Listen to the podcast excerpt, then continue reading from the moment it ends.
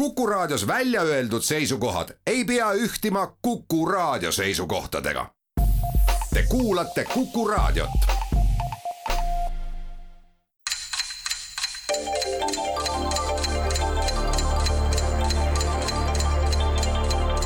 tarkade klubi targemaid küsijaid toetab lisateadmistega Postimehe raamatukirjastus tere taas, Kuku raadio Tarkade klubi tervitab häid kuulajaid ühel lipupäeval kokku nendest seitsmeteistkümnest, mis Eestile sel aastal osaks langenud. täpsemalt siis hõimupäeval, mille traditsioon veel Eestis noor, üheteistkümneaastane, aga millega on tervitatud ja ära märgitud teiste hulgas isurid, ersad, udmurdid ja meie hulgast ka paraku välja surnud kamassid teistest rääkimata. olge tervitatud, kallid hõimlased, üdvösöljuk, törstar sakat, kõlas siit resümee teadagi mis keelest oleme niisiis hõimupäevas vennastunud heas ja halvas, mida viinakuul pakkuda ja selle esimese hulka kuulumas näiteks ka juba Puškini poolt kirjeldatud silmadele peegelduv kuldne loodus pärastlõuna päikeseleegi heitjas. selles viimases aga silmale peegelduvad numbrid bensiinijaamade tabloodel, mis juba ilmselt sõna maailmaturg või barrel kuuldes nurrades üles hüppavad ja meie kõigi pangakaartel luhtitavad aga ilusat on maailmas endiselt rohkem kui koledat ja tahaks arvata, et sinna esimesse poolde kuulub ka Tarkade klubi ühes armastatud ja erudeeritud külalistega. hea meel on meie Tartu stuudios tervitada üle mitme aja äsja Borneo saarel orangutangide elutingimusi inspekteerinud ja võimalik, et ka nendega tõtt vaadanud Tartu Ülikooli geograafi kaasprofessor Jaan Pärna. tere! Jaani paarilisena aga Eestimaa pinnal ilmselt kõige enam pruunivärvilisi teeviitasid üles tähendanud ja need omalaadseks Eesti kultuuriloo ühismäluks talletanud Tartu Ülikooli geograafi kaasprofessorit ja Eesti kaasaja kartograafia Kreutzwaldi ja Fehlmanni ühes isikus Taavi Paet. tere! meie Tallinna stuudios aga tervitame samuti üle pika-pika aja head humanitaari, väärtfilmide esindajat Mart Rumot. tere! Mardi paarilisena, aga nädalase vahega head reaali, keemikut, füüsikut, leiutajat, teadustoimetajat ja fiskaalmerkantiilsetki elukogemust omavat erudiiti Marek Strandbergi tervist! suur rõõm, et olete meiega. tarkade klubi küsijate kollektiiv on teile ette valmistanud kümnese jagu küsimusi, mida lähema tunni jooksul aga lunastama asume ja need on täna järgmiste teemade all.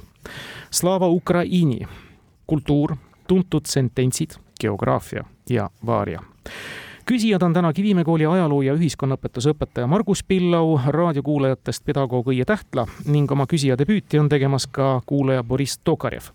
alustame ja anname avavaliku õiguse Tartule. Jaan ja Taavi, palun. jätame geograafia vastastele. ei, ikka lähme geograafia. ei tea. võtame geograafia ja, ja geograafia küsimus tulebki healt debütandilt Boriss Tokarjevilt. küsib ta järgmist. see alles tuhande üheksasaja seitsmekümne üheksandal aastal moodustatud Šveitsi kanton on noorim selle maailma vanimate hulka kuuluva demokraatliku riigi omavalitsustest. pealinnaga Delemontis kuulub küsitav kanton riigi prantsusekeelsesse ossa. meile, kui me just ei ole seal käinud, seostub küsitav kanton küll paraku ainult Mailis Repsiga neil päevil tihedasti seostatava tarbeesemega ja muide, neid valmistataksegi meie küsitava kantoni naabruses Solothurnis. mis kanton no.? Kas see ikka läheb siis kohvimasin või? no kohvimasin ja tuntud, aga kohvi, üks kohvimasin, no kas me peame siis ütlema, kohvimasina eest saaks ka äkki mõne punktipojakese, aga. me küsime ikka kantonit no siis ikkagi see juura või? juura pakume, jah. õige, juura või prantsusepäraselt jura. viide oli tõepoolest kohvimasinale, mille omamist siis kodus Repsile ette heidetakse. väga hea, olete avanud kohe tartlased positiivselt skoori ja igati kaasprofessori tiitlit väärt. palun, Marek ja Mart siinsamas Tallinnas sama vahvalt edasi. no see oli nii lihtne vastus, et äh, teist geograafia küsimust ei julge võtta kindlasti on mingi seadus, mis ütleb, et nagu kaks korda lihtsat küsimust ei tule või tuleb teine veel lihtsam küsimus. või ei ole üldse selle seadust. no siin võta üks ja viska teist, kõik on toredad. on, no sina vali. no võtame sententsid. võtame sententsid ja. ja sententsid, tarkuseterad läbi aegade ikka elanud ja siiamaani näed, küsitakse. me küsime ühte tuntud ladina sententsi, mis kummatigi aga Vana-Rooma perioodist ei pärine, vaid hoopis keskajast esialgsel kujul lugesid kirjaoskajad vastavat lauset Mungast kirjamehe Toomas A Kempise tuhande neljasaja kaheksateistkümnendal aastal välja tulnud menuteoses Kristuse jälgedes. aga juba üheksa aastat varem olevat seda paavsti troonile asumise rituaali meeldejääva osana kasutatud ja katoliku kiriku pontifikside seni viimase kolmekordse tiaraga kroonimiseni aastal tuhat üheksasada kuuskümmend kolm kõnealune traditsioon jätkus tseremooniameister langes paavsti eest põlvili, käes hõbedast või messingist kepp, mille küljes hõõguv linatakk oli.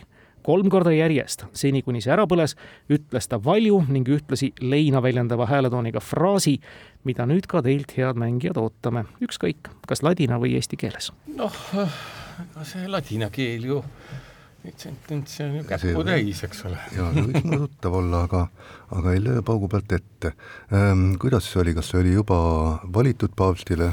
jaa, ikka, ikka, kui paavst juba valitud oli, jah mm. -hmm tema kroonimispidustustel. no siin siis ilmselt ei mõelda seda, mida öeldakse kogu ilmarahvale, et habemus papam, meil on uus paavst ja aga see menuteos, mis selle menu Kristuse jälgedes. Kristuse jälgedes, noh, kes see nüüd nagu ütleb Kristuse jälgedes mingisuguses menuraamatus, et äh, meil on nüüd paavst. No,, meil on nüüd paavst, meil on nüüd paavst, paavst on meil. ja kolm korda pidi seda kordama mm, -hmm. mingi vannutamine või õnnistussõnad? No, ühtegi vihjet ka ei saa, selles mõttes on niisugune tumm leilisolek, selline aur on ja tead, et mõned sententsid on nagu ladina keeles olemas ja ka ladina keel on väga roostes aga mõt-, mõtleme vihjeid, vihjeid oli omajagu. vihjeid oli omajagu, aga noh, noh, et pronksist kepp, mille otsas on linatakk ja see hõõgub, kuni kustub. see on väga oluline vihje. oluline vihje, noh mis on veel nagu sellised, noh, see ei ole ka nagu saaguv valgus selles mõttes, et see saaguv valgus on kindlasti vanem kui keskaeg, mil-, millal see keskaegne lause tekkis? tuhat nelisada kaheksateist. tuhat nelisada kaheksateist, noh, vaevalt, et sellest ajast pärineb nii-öelda fiat lux, et saaguv valgus. et ilmselt on see, on see ikkagi vanem, aga mis võib pärineda tuhat nelisada kaheksa, no mida sa pagan tead, ei tea ju aga siiski see, see ei ole halb mõte, mina mõtlesin, mille, mõtlesin katoliku kiriku liturgia peale, mida korratakse kolm korda, siis mea culpa, aga no seal on mea culpa, mea culpa, mea maxima culpa, ei korrata kolm korda ühtemoodi. Ja, ja selle riitusega see ka ei kõlba. Fiat, Fiat Lux sinna no,, sinna vastupidi, et see, see tulega, tule, tulega kustub ära, aga see kustub ära, et noh, siis ei ja. saa ju valgust, seal peaks olema mingisugune magneesiumipann, mille peal meeletu siis korratakse, aga no ja katoliku riitus, et äh, mis see on, mea culpa, olen süüdi. no ja minu süü, minu, minu süü, süü., minu ülisuur süü, aga, aga see peaks olema ka märksa varasem. ma arvan ka. ja et kolm korda korratakse tuhat nelisada kaheksateist, mis asi? maksa võlg ära see on nagu ajastukohane, niisugune juba olid mingid pangad olemas ja noh, need olid veel varasemalt olemas, muidugi me teame seda ka, et et ega siis tuhat nelisada kaheksateist ei tekkinud esimene laenuandja. no vaata, see on nagu valdkond, igasugused rituaalid ja liturgiad ja, ja seal on lisaks nagu, lisaks nagu sellele, et mingi tarkusetera on, noh, vaevalt, et see tarkusetera on, et selles mõttes see on lihtsalt mingi mõmin ju, eks ole mingi, mingi, mida kolm korda järjest mõmisetakse. peaks olema meile tuttav, muidu ei küsita noh, see on eeldusel, et ma ei tea. mina olen jännis, mul ei tule praegu paremat, ma, ma jääks sinu esimesena pakutud äh, Saagu valguse juurde. mis iganes see õige on. no jah, aga see on nagu, see on nagu Saagu valgus. Fiat Lux. Fiat Lux ei ole õige vastus. muidugi ei ole. kes see, kes see kordab auto nime nii-öelda paavsti riiklus see võib-olla kuuekümne kolme aastal sellepärast ära kaotatigi, ei tea. Aga tartlased, palun, Jaan Taavi. no ega, ega ei tea, et see, mind jäi ka see kuuskümmend kolm just painama, mida Tallinn üldse ei arutanud, aga ega see meid ka kuskile, et me oleksime võinud pikalt arutada, muuseas tunnikese tuhande üheksasaja meile tundus ka, et teil hakkas juba minema, aga nojah, sest et äh, muidu võiks mõelda, et veel tuleohutuse tõttu, aga kuna nad igasuguste suitsudega endiselt seal mängivad, siis järelikult äh, peab olema mingi hea põhjus ka selles, et, äh, et miks seda riitust enam läbi ei viida. ei no võib-olla viiakse, aga mitte nende sõnadega, et äkki need sõnad tähendasid midagi sellist, mida ei sobinud enam öelda, noh, ja meil ja. muidugi siin tulid ka kuulsad väljendid Situs Aditus Fortius ja sellised, aga ilmselt seda vist ma ei usu, et vanemad ka yeah. sentents, no ikkagi midagi ju, jah, see valgus oli ju selles mõttes tundub, et õige tee, et aga midagi veel valgusest sa tuled või? Eks luksem, aga ei kõla, ei, ei oska midagi. No jaa, sina oskad kõiki keeli, ütle ladina keeles midagi. Ladina keeles midagi. Veni vidi vitsi. Jah, no ütleme veni vidi vitsi. No alati vaimukad pakkumised, isegi siis, kui nad ei ole õiged. Ei ole ka tulin, nägin, võitsin, vaid sic transit gloria mundi ehk nii möödub maine hiilgus. see ei olnud mitte nii-öelda tseremoniaalne kõne, vaid ikkagi manitsus ja meenutus paavstile. kui kõikvõimsale valitsejale ka tema enda elu kaduvust ja viletsust pidi see hoiatavalt meenutama ja kolm korda sic Transit Gloria Mundi aga miks see ära keelati, et ei tuli müügile auto nimega Ford Transit või? võib-olla, see võib nii olla.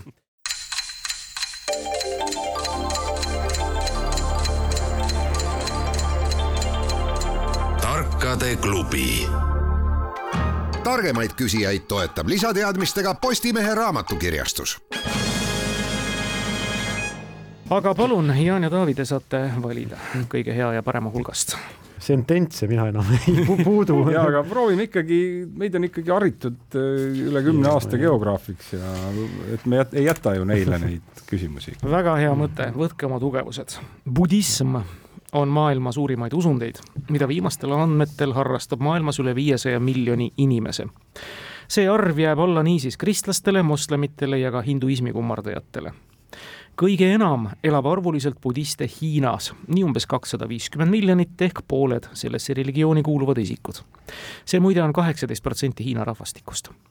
millises maailma suveräänses riigis elab arvuliselt suuruselt järgmine kogukond budiste, kuuskümmend neli miljonit inimest ja selles riigis järgib budismi suisa üheksakümmend neli protsenti rahvastikust, kõlab küsimus no minu teada kõige su suurem budismi enamusega riik, kui ma peaksin pakkuda, mulle tundus, kui ma seal käisin ka, et, et sellist riiki teist ei ole, et võiks olla Birma.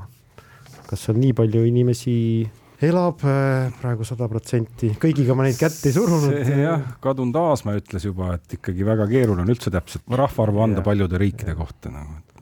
aga no kuule, kui seal ei ela palju inimesi, kus siis veel, kus need inimesed siis elavad. oot-oot, aga no mõtleme korraks, see tavaliselt on ju ikkagi mälumängu kuldreegel, et esimene mõte on õige, aga aga meil on aega natuke. jah, aga, aga kus veel, see tõesti, et mina ei ole sealkandis käinud, eks ju, aga et aga see kõik noh, et. no tegelikult ikkagi jah, juba üheksakümmend neli protsenti budistlik riik ja kuuskümmend neli miljonit inimest, väga palju variante ei, ei, ei jäägi juba seal ümberringi, teised on väiksemad riigid, kõik Kambodža ja Laos ja noh, rääkimata Malaisiast, Indoneesiast, mis on ju moslemiriigid. jah, moslemiriigid ja Bangladesh sa, samuti. Jaapan on ka midagi muud kõik Äh, jah, ei loeta budismiks äh, seda rangelt, kuigi ta on seotud äh, tegelikult küll, aga Jaapan on ka suurem kui kuuskümmend neli.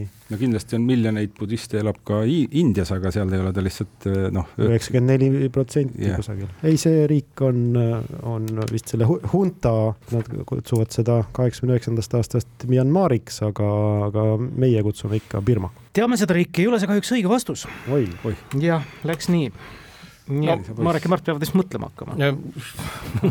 no ega. pidasime terve loengu. pidasite terve loengu. me, me saadame, me saadame oma, oma Tartu Riikliku Ülikooli aegsed matriklid, et panete meile siis ka sinna mingi arvestuse sisse loengu kuulamise eest. Mis seal veel on, seal on ju, ega me ei tea ka, kui palju Singapuris inimesi elab. rohkem kui kümme ja üle kümne mul on arvutamisega raskusi selles mõttes, et äh, Singapur on väga väike, et kas sinna mahub ära seitsekümmend miljonit inimest. ja siis loomulikult on nagu noh, üks asi on, et me otsime Aasiast äh, budiste, aga Ameerika maal on mõni riik. ei tule küll ette. ei tule. ei usu hästi. Üheksakümmend neli protsenti rahvastikust on kuuskümmend neli miljonit ehk umbes seitsekümmend miljonit inimest peab seal elama. aga kuidas on ikkagi Bangladeshi ja kas äh kas seal võimutseb islam? Pole aimugi, Bangladesh, aga, aga inimeste hulk no rahvast on seal kõvasti, aga kui palju sellel üle üheksakümne protsendi rahvastikust pidi olema, jah jah, noh, ütleme umbes seitsekümmend miljonit inimest peaks seal Mhm. elama. mm -hmm. Singapuris vist elab vähem, see on nagu ikkagi üsna väike maa-ala ta on jah, sinna seitsekümmend miljonit, noh, häda pärast muidugi paigutab ära, ehitavad kõrghooneid ja mida iganes, aga mis seal Indiast põhja pool on, need on suhteliselt hõredad riigid vist asustamise mõttes või? ja Nepaalis on vähem rahvast ilmselt, kindel või? ega ma päris kindel ka ei ole. peaks sõbrale helistama. jaa, see on teine mäng. on ka või? assa pagan Jah. me kogu aeg lootsime. aga muidugi rahvastik on hea, selle mm, protsendi järgi võiks küll Nepaali pakkuda, see on ikka tõeline budismi häll. Lihtsalt, et palju muid ei ole. aga lihtsalt, et küsimus on selles, et kuuskümmend neli miljonit Jaa, inimest, et kas seal ei tea. nagu elab seitsekümmend miljonit inimest. noh, ütleme, mis meil on, Bangladesh, Singapur ja Nepaal. palju Mongoolias inimesi elab? ei tea, aga mitte palju vist. No territooriumi kohta jah, üsna hõre on seal asustus küll. aga see territoorium on nii suur, et jah, noh, territoorium on meeletu lahmakas. see ongi sellepärast, et no mida sa seal ikka usud Mongoolias. aga see on ka täitsa tore mõte. ühesõnaga, nüüd meil on juba Mongoolia, Nepaal, Bangladesh ja Singapur. no ütleme, kui me ütleme, et no mõni ilmselt tuleb. neist riikidest, siis saaks ju veerand punkti no mis meil veel suudab? aga meil ei ole, meil ei ole, mulle tundub kindlat, kindlat favoriiti. just nimelt, et äh, no ma ei usu, et mulle, mulle selle Mongoolia variant meeldib.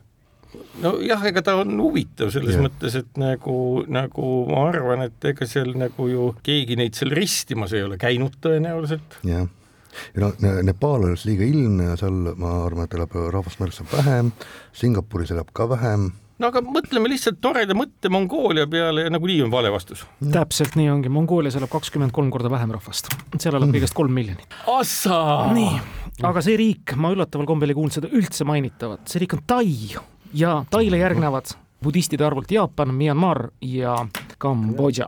muide, Kambodžas on protsentuaalselt kõige rohkem budiste, üheksakümmend kaheksa protsenti, aga neliteist miljonit inimest. Mongoolias kolm miljonit! ja vot, suurim väärtus ossa, kas teie geograafid teadsite seda või? no muidugi me teadsime ja see ongi suurim väärtus, et sa, Marek, said uue teadmise. täpselt see mäng Aga Marek Mart, teie valik, geograafia ilmselt teie õnneks on nüüd läinud. no on küll, jah. teeme valikut lihtsamaks, et võta sententsid ka maha. hea küll, teine sentents. Prantsuse Vabariigi moto või deviis on liberté, egalité, fraternité ehk vabadus, võrdsus, vendlus. pärit on see teadupoolest kahe ja veerandi sajandi taguse suure Prantsuse revolutsiooni aegadest. tuhande üheksasaja neljakümnendal aastal, kui Saksamaa Prantsusmaa põhjaosa okupeeris, jäi formaalselt iseseisvaks Lõuna-Prantsusmaa, mille pealinn Vichy's asus ning mis Hitleriga koostööd tegi režiimi pea oli mäletatavasti Esimese maailmasõja kangelane marssal Petain. Ka sellel kvaasiriigil oli oma sümboolika ja muuhulgas kolmest sõnast või mõistest koosnev deviis. millised kolm lihtsat, selget sõna? vabadust, võrdsust ega vendlust nende hulgas seekord polnud. samuti pole ükski vastav nimisõna eesti keelde tõlgituna US lõpuline esimene küsitavatest pidi vasakpoolsetele imponeerima, teine konservatiividele ja kolmas Prantsuse natsionalistidele. kui te juba kolmest kahte teate, tuleme vastu, anname teile punkti. kolm sõna. US lõppu ei ole, vabadust, võrdsust, vendlust ei ole. üks imponeerib vasakpoolsetele, teine konservatiividele ja kolmas natsionalistidele. ja raha, surm ja maksud. riigideviis ja nii et vastata võib nii prantsuse kui ja, keeles, ja jah, huvitav, et natsionalismile võiks ju viidata rahvus, aga nagu öeldud, et uues lõpulisi sõnu ei ole. ei, ega äh, rahvas, no rahvas võib olla jah, rahvas võib täitsa olla, us lõppu ei tohi olla. nats tõsine rahvas. konservatiividele võiks vastates kas näiteks kas tava või traditsioon äh, viitaks kõige otsesemalt. olgu, siis on nagu traditsioon, rahvas, ja vasakpoolsele, mis on nagu vasakpoolne. noh, vaevalt, et mingi värv, eks ole, punane, vaevalt, et nad ütlevad punane. mis seal veel on niisugune, us-lõpuline ei tohi olla, päike, traditsioon, rahvas, täpselt nagu mingi suvituspealinna loosung. no mis meil veel on? vot ei ole, see on nagu jälle niisugune ajaloo osa, mida ei, see traditsioon ja rahvas kostub nagu natsionalism, mis on natsioon, natsidele meeldis. Nojah, vot äh, rahvus viitaks ikka palju-palju otsesemalt ja, ja, ja, ja aga, aga, aga äh, rahvust ei ole võiks olla mingi ein Volk, ein Reich, ein Führer on see nii-öelda Saksa analoog. Yeah.. noh, tõenäoliselt oli see midagi mm, samasugune, ehk et, et pigem on konservatismi loosung seesama nii-öelda, mis nad ikka tegid, kopeerisid ju Adolfit, eks ole, et Petain mõtles, et noh, et teab, mis saab ja ja siis oli, äkki oligi need kaks asja olid nagu riik ja rahvas ja mis asi siis esimene võib olla, et mis on vasakpoolsetel? Tulevik, riik ja rahvas. see sentents punkti ei too, Tartu. Oh.. ega meil ka midagi geniaalset äh, siin ei, ei tule. kui mina oleks Vichy vabariigi äh, tunnuslause looja, ma paneks kuidagi vee sinna sisse, sest Vichy on ikka tuntud ju mineraalvee poolest, aga, aga see ei, tohiks, see peaks rohelistele on ju äh, meeldima, aga neid ei olnud siin valikusse toodud. meil olid veel mõned sõnad, mida Tallinn ei vist traditsioon vist. ei, seda, see oli Tallinnal. kas töö oli Tallinnal või? ei olnud. riik. vasakpoolsetele võiks meeldida küll ju, ju töö ja konservatiividele võiks meeldida kord. no natsionalistidele ikka keegi muu kui rahvus ei meeldi, aga tõesti ju prantsuse keeles minu meelest äh, ei tohiks vahet olla rahvusel ja, ja rahval, sama on sama ikka, aga kõik kokku nagu väga löövat lauset ei anna, no muidugi see ei olnud ka väga edukas riik. Ja. Ka... No, muidugi jah, seal korra Tallinnas vist hakkas ka, et ma ei tea, sõnad päike ja mingid sellised äkki. no päike, vesi hakkab kooruma, aga ikkagi, kuidas see jah, nende vasak ja konservatiivne natsionalistidega ei, ei klapi. ja oota, Tallinn ütles tulevik, see on ka alati niisugune hea sõna, mida. aga spetsiifiliselt see ei apelleeri jälle, et kui see oli tõesti nii nagu sõnastuses oli, et see oli mõeldud, et, et noh, igale sellele poliitilisele tiivale konkreetne sõna, siis ma võtaks sellest kinni. no aga kui me, oota, no. ma enam ei mäleta, mis Tallinn pakkus, et me peaks neid sõnu mitte pakkuma igastahes. ei, ei tea, äkki üks oli õige üks võis olla õige ja siis ei. aga töökord ja rahvas, ei tähendab töökord ja riik, kui need, kui mingis vahe, vahekorras sinna sõna riik, sõna kord. kord, ma arvan, oleks päris, päris hea, sest seda on nagu nendel valikord jah, ei, ei, nendel vappidel on täitsa äh, kohtab seda, noh, mitte Vichy vabariigi vappi, ma ei, ei, ei tule silme ette, aga mingitel riikidel. ma arvasingi, et nad on nõrgad geograafias tegelikult. see ei ole geograafia enam. meid, no. no aga ütleme riik, kord ja töö ja vaatame, mis saab, et ega me ei tea. no vot nüüd läks üks ja. sõna täppi, ma pean ikkagi sõna-sõnalt lähtuma, kuivõrd siin tahetakse täpset tsitaati saada, nii et punkti siit kahjuks ei tule, töö oli õige, loomulikult mm -hmm. vasakpoolsetele muud ei olegi.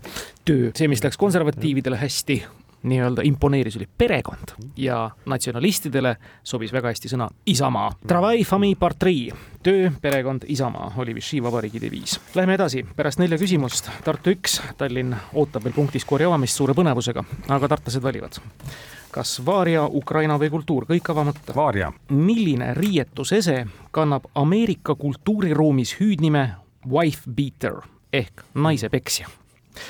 Seega seostatakse seda kandvaid mehi koduvägivallatseja stereotüübiga. Venemaal ja postsovjetlikus kultuuriruumis on vastavaga hoopis alkohoolikutele imagoloogiliselt omaseks peetav.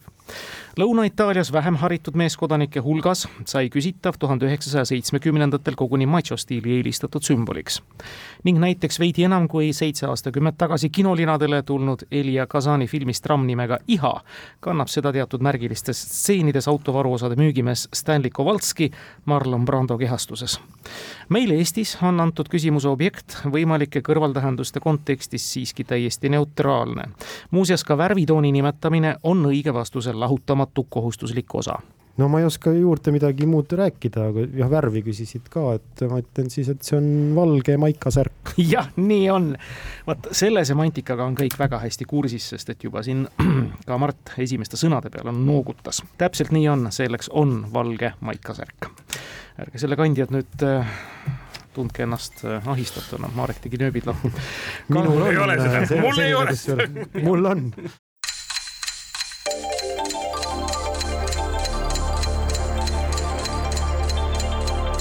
tarkade klubi. targemaid küsijaid toetab lisateadmistega Postimehe raamatukirjastus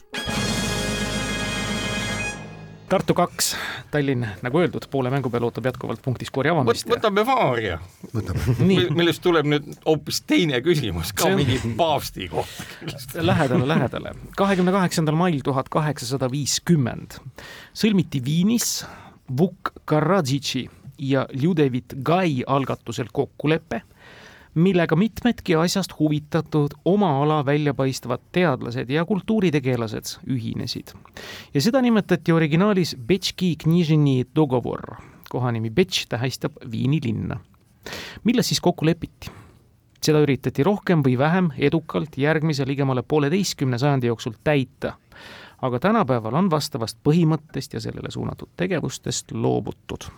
Viini raamatukokkulepe teie olete siin nagu inimene, kes lugeda oskab, mind on õpetatud ainult kirjutama täpselt. Betški Kniženi dogovor. poolteist sajandit, tuhat kaheksasada viiskümmend lepiti kokku. et hakkame tegema ja noh, siis poolteist sajandit viljeleti, tänapäeval on sellest enam-vähem noh, loobutud. mis asi see olla võiks? no pimeda kirjaga raamatuid ju, neid ju on, eks ole. ma tulen teile nii palju vastu, et küsitavat kohtab üsna tihti ka kultusteoses Šveiki seiklused esimese ilmasõja ajal. seal kohtab väga palju õlut, roppesõnu, keisrihärra pilti, vaevalt, et nad leppisid. sellest võib olla mingi, mingi äh, õlle tootmisega seotud, ähm, seotud kokkulepe nagu, aga seda on üritatud, see pole õnnestunud ei, poolteist sajandit see täiesti niimoodi vahelduva eduga, aga ta toimis. jaa, see nimetus tundus mulle endale, et see on mingisugune raamat. see ei ole võimatu. aga Šveikis, mis asja, tuleb Šveikis väga palju ette.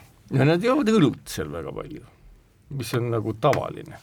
see on tõsi ja mitte ainult. Viinis konjakit läheb omajagu. jaa, see muidugi sõltub sellest, kes see toimis poolteist sajandit ja nüüd ei toimi enam. jaa, sellest oh, järk-järgult. simuleerimist. ärge nüüd närvi minge, aga meie teame igatahes. see on väga hea, et te teate me ei olegi mõtlesime, et kas sellega pinge alla paneme, kas see on hea või halb? ei, see on täitsa savi selles no,. minul on kergendus puhtalt, et see, no, see küsimus ei jää õhku rippuma. see ei jää õhku rippuma jah, meil on ka see nii-öelda äh, mitte võit, vaid osavõtt, et nagu kõik targemaks saamine kubertäänlik äh, printsiip. just, et aga minul ei ole head vastust, ma jätaks tõesti praegu vastastele. ei no,, ei, ega me, me võime ju mõelda midagi, imelik oleks ka nagu noh, nad võib-olla ei tea ka, et lihtsalt nagu ärritasid, vaid aga ilmselt teavad. milles saab nagu kokku leppida, mis, mis ei ole nagu, kuidas selle kokkuleppe nimi oli? selle kokkuleppe nimi oli Betški Knižni Dogovor Betški Knižni Betšk tähendab siis Viini linna. jah, Viini linna, seda, seda ja Knižni ilmselt ei tähenda mitte raamatuid puudutavat kokkulepet, vaid nagu kirja pandud kokkulepet või nii-öelda ja see on tšehhi keeles. jah, kokkulepe, mida peeti sada viiskümmend aastat erinevate vahedega. kokkulepe, et õlle hinda ei tõsteta. valitsus, kes tõstab õlle hinda, kukub sada viiskümmend aastat hoida ühte hinda, see on kõva sõna, jah. ei noh, püüti hoida kuni viimase hetke. et eh, mis tarkusi me veel nagu, nagu Šveikist teame? no ega nagu, nagu muid raamatuid on ka loetud, mida kasutad sagedamini, aga kokkulepe, õlut puudutav kokkulepe, mida püüti järgida, kriiside ajal õlle hinda ei tõsteta, et noh, nagu viimases hädas tõstetakse õlle hinda. kas see jääb teie vastuseks? Las ta, las ta jääda. las ta jääb meie vastuseks, siis on vale Suure, vastus. suurepärased ilusad valed vastused, muudkui voorivad. Jaan ja Taavi. mina ütleks sissejuhatuseks ikkagi, et mäng on küll alles poole peal ja kui see, mida Jaan ütleb, on õige, siis ma arvan, et see on äh, selle mängu parim küsimus, teadmata küll, mis tuleb uh. Mhm. -huh. aga Jaan siis ütleb õige vastuse, ma loodan nüüd seekord, siis on see õige vastus. jah, et äh, Tall-, Tallinnal oli nii palju õigus, et tegemist oli slaavi keelega, aga mitte lääne, vaid äh, lõunaslaavi keeltest on, on jutt.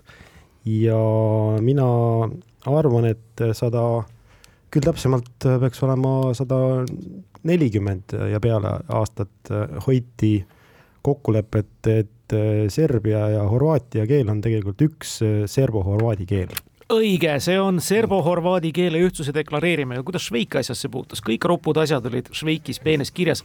valimatu sõim serbo-horvaadi keeles. see vastab tõele. Karadžits töötas küll välja selle keele kirjutamiseks moderniseeritud kirillitsa variandi, mida õigeusklikud serblased hakkasid kasutama. Gai aga analoogilise ladina versiooni katoliiklastest horvaatidele. Tito-aegses Jugoslaavias oli see sotsialistliku liitriigi ühtsuse üks sümboleid, aluseid, sümboolseid aluseid lagunemise järel üheksakümnendatest aastatest on ka ametliku ISO klassifikatsiooni klassifikatsiooni järgi serbo-horvaadi keele kõrval samuti nii serbia, horvaadi kui bosnia keeled eraldi eksisteerivad. kolmas punkt Tartule, aga meil on veel hulk küsimusi minna, täpsemalt neli ja vaatame, kuidas edasi läheb. olge head, Jaan ja Taavi, kultuur või Ukraina? selle peale ei oleks vist tulnud ka või oleks? ei tulnudki kultuur. kultuur ja kultuurselt edasi. Õie Tähtla küsib, hea pedagoog, küsib järgmist konkreetselt.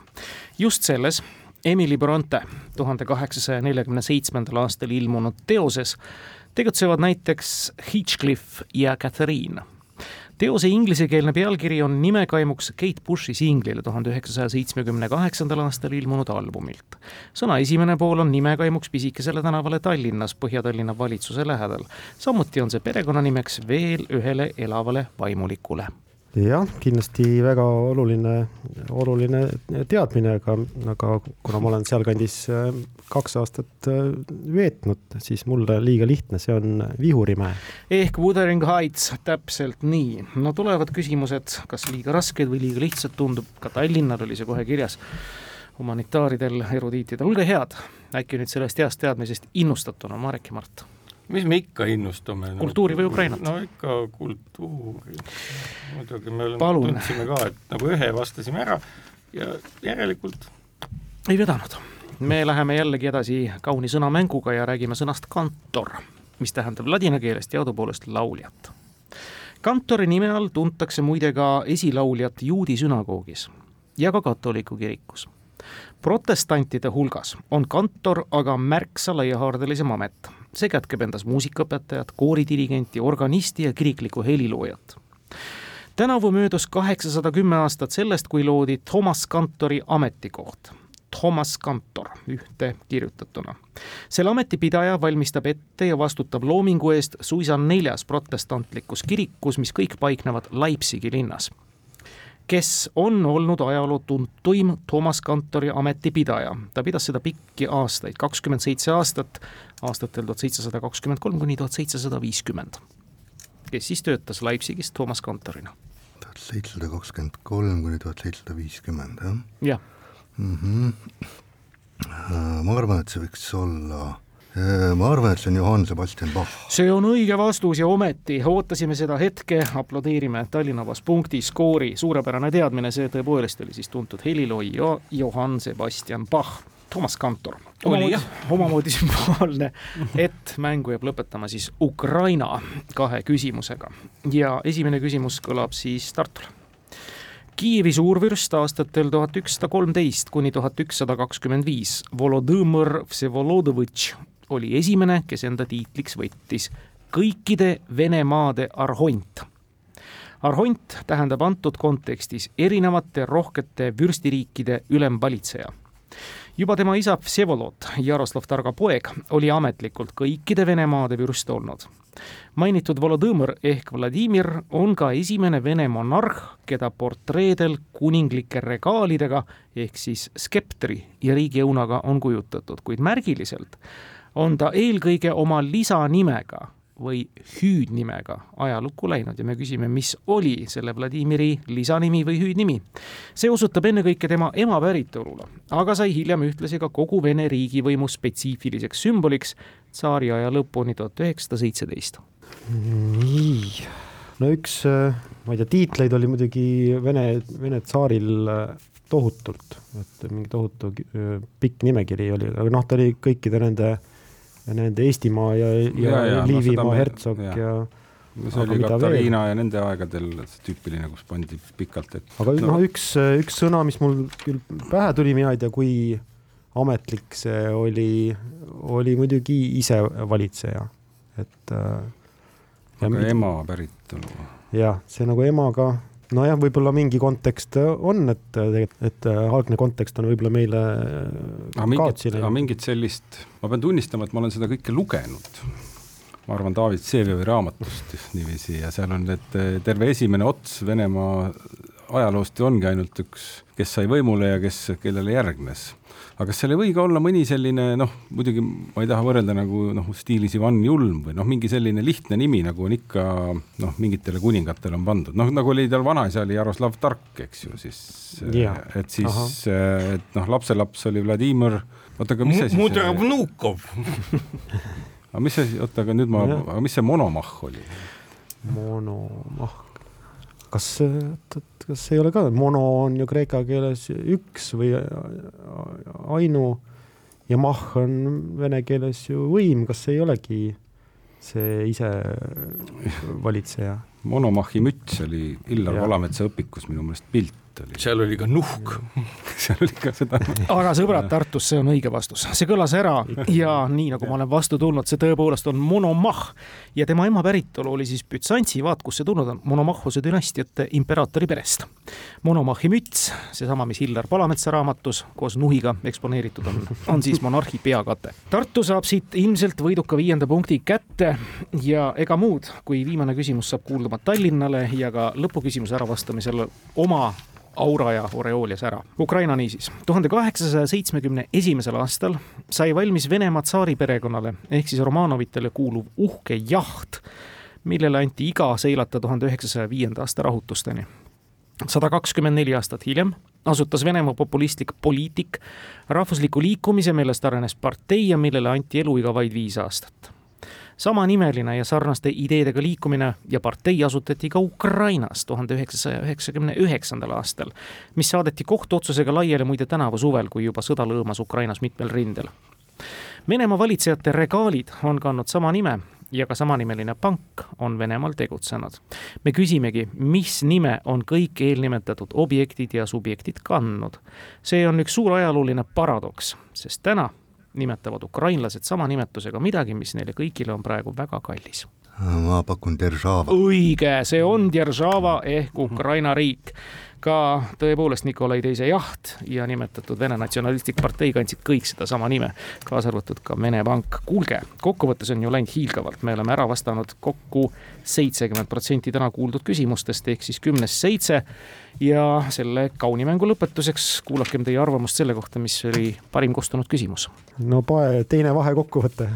ei no minule ikkagi see, kui tehakse nii lahe küsimus äh, serbo-horvaadi keelest siis, äh, siis see peab seda, seda küll jah, et, et kogu aeg ju me oleme teadnud, et serbo-horvaadi päris ei ole kindlad olnud, et kas see on mingi nali või, või noh, et samamoodi võiks ju olla maailm täis äh, Tšehhoslovakkia keelt meil näiteks ei, ei ole, ei ole Hispaano-Portugali keelt, le, Leto, Lituaani keelt ei ole, aga on olemas ühtäkki serbo-horvaadi keel. no anna andeks kena, siis on meil serbo-horvaadi keel saanud tartlastelt äramainimist ja kas tallinlased nõustuvad? jaa, mina olen täiesti päri sellega. väga kena. väga hea küsimus. siis kiidame ja tõepoolest ka väga täname Margus Pillaud selle serbo-horvaadi keele küsimuse leidmisest. aitäh, Marek Mart Tallinnas, aitäh, Taavi Jaan Tartusse, kaunist viinakuu jätku ja taas kuulmiseni hoolega hoitud auhinnad toob kohale Smartpost Itella lõpetame saate taas kuulajamänguga. eelmisel nädalal lõpetas saate küsimus antiikolümpiamängude ja ühe kurioosumi kohta, mis kunagi ei muistsete ega kaasaegsete olümpiamängude aegu pole kordunud. Arikion Figaleiast krooniti aastal viissada kuuskümmend neli enne Kristust Pankratsionis ehk vabavõitluses olümpiavõitjaks moel, mille sarnasel niisiis ei varem ega hiljem pole seda tehtud kuidas täpsemalt, kõlas küsimus. õige vastus on see, et Arikion krooniti olümpiavõitjaks surnuna. finaaliheitluses vastasega, kus ta valuga sundis rivaali alistuma, murdus sportlase kael ja ta heitis hinge, olles samas juba võitjaks kuulutatud selle dramaatilise spordiloolise muistse fakti tundjaid oli rõõmustavalt palju ka kuulajate seas ja kõigi õigesti vastanute vahel naeratas loosiõnn kuulaja Heidi Tammele Haapsalust palju õnne, teiega võtame ühendust. uus nädala küsimus on aga klassikaline geograafia küsimus ning kõlab järgmiselt. milline ilma merepiirita riikidest Aafrikas omab kõige enam naabreid? Viie tuhande kuuesaja kuuekümne seitsme kilomeetri pikkuse piirijoone taha mahub küsitaval kokku kaheksa naabrit, kellega on ühist piiri saja viiekümnest meetrist kuni tuhande üheksasaja kolmekümne kilomeetrini ootame vastuseid nagu ikka e-posti aadressil tarkadeklubi at kuku punkt ee või tavapostiga aadressil Tartu maantee kaheksakümmend, Tallinn, Kuku raadio, Tarkade klubi. Samadel aadressidel on oodatud ka kuulajate küsimused saates mängivatele tarkadele. tänaseks lõpetame, kuulmiseni